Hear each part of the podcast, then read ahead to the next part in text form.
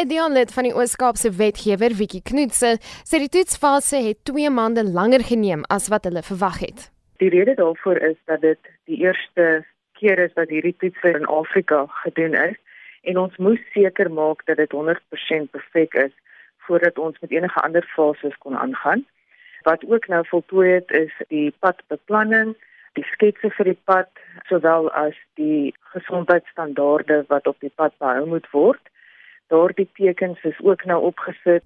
Saakondernemings en padverbruikers is intussen ingelig oor hoe lank die projek na verwagting gaan duur en watter alternatiewe roetes gebruik kan word. Konstruksie het die week begin. Afmetings is gedoen vir stormwater toevoer, elektriese toevoer wat onder die pad deurgaan en ons beoog om klaar te wees teen omtrent middel Oktober na einde Oktober. Die toetsfase het juis lank geneem om te verseker dat die plastiek die bitumen wat as bindingsagent gebruik word, absorbeer. Die kwaliteit bitumen wat wêreldwyd gebruik word, verskil van land tot land. Elke toets gaan verskil in terme van faktore soos soos klimaat, die gewig van voer vir die pad gebruik, die kwaliteit van die mengsel, die kwaliteit van die bitumen en al die ander komponente wat saamwerk in hierdie chemiese reaksie. Verskeie inwoners het hul bekommernis oor die gebruik van juis plastiekpaaie uitgelig.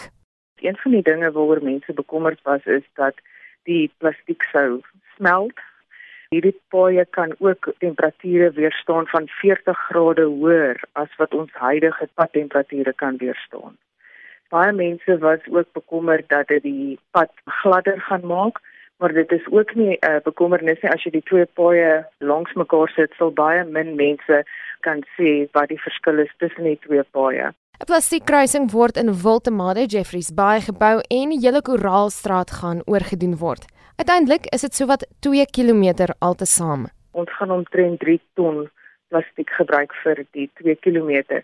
Mens kan dit ook omsit in omtrent 1.8 miljoen plastiek sakke per kilometer. Enige plastieksoort kan in die bou van die paaie gebruik word. Selfs die plastiek wat nou geklassifiseer word as nie herwinbaar, kan ook gebruik word. Knutse sê die positiewe gevolge indien die projek suksesvol sou wees en in die toekoms landwyd geïmplementeer word, is verrykend. Dit gaan oor om werkloosheid syfer af te bring dit gaan daaroor om plastiek uit die see uit te haal want Suid-Afrika sit omtrent 8 ton plastiek in die see per jaar en dan ook natuurlik om ons paaie op 'n beter standaard te kry in Afrika. Dit was 'n dialog van die Oos-Kaapse wetgewer Wiekie Knoetse. Ek's Marlene Verschiefer, SAK nuus.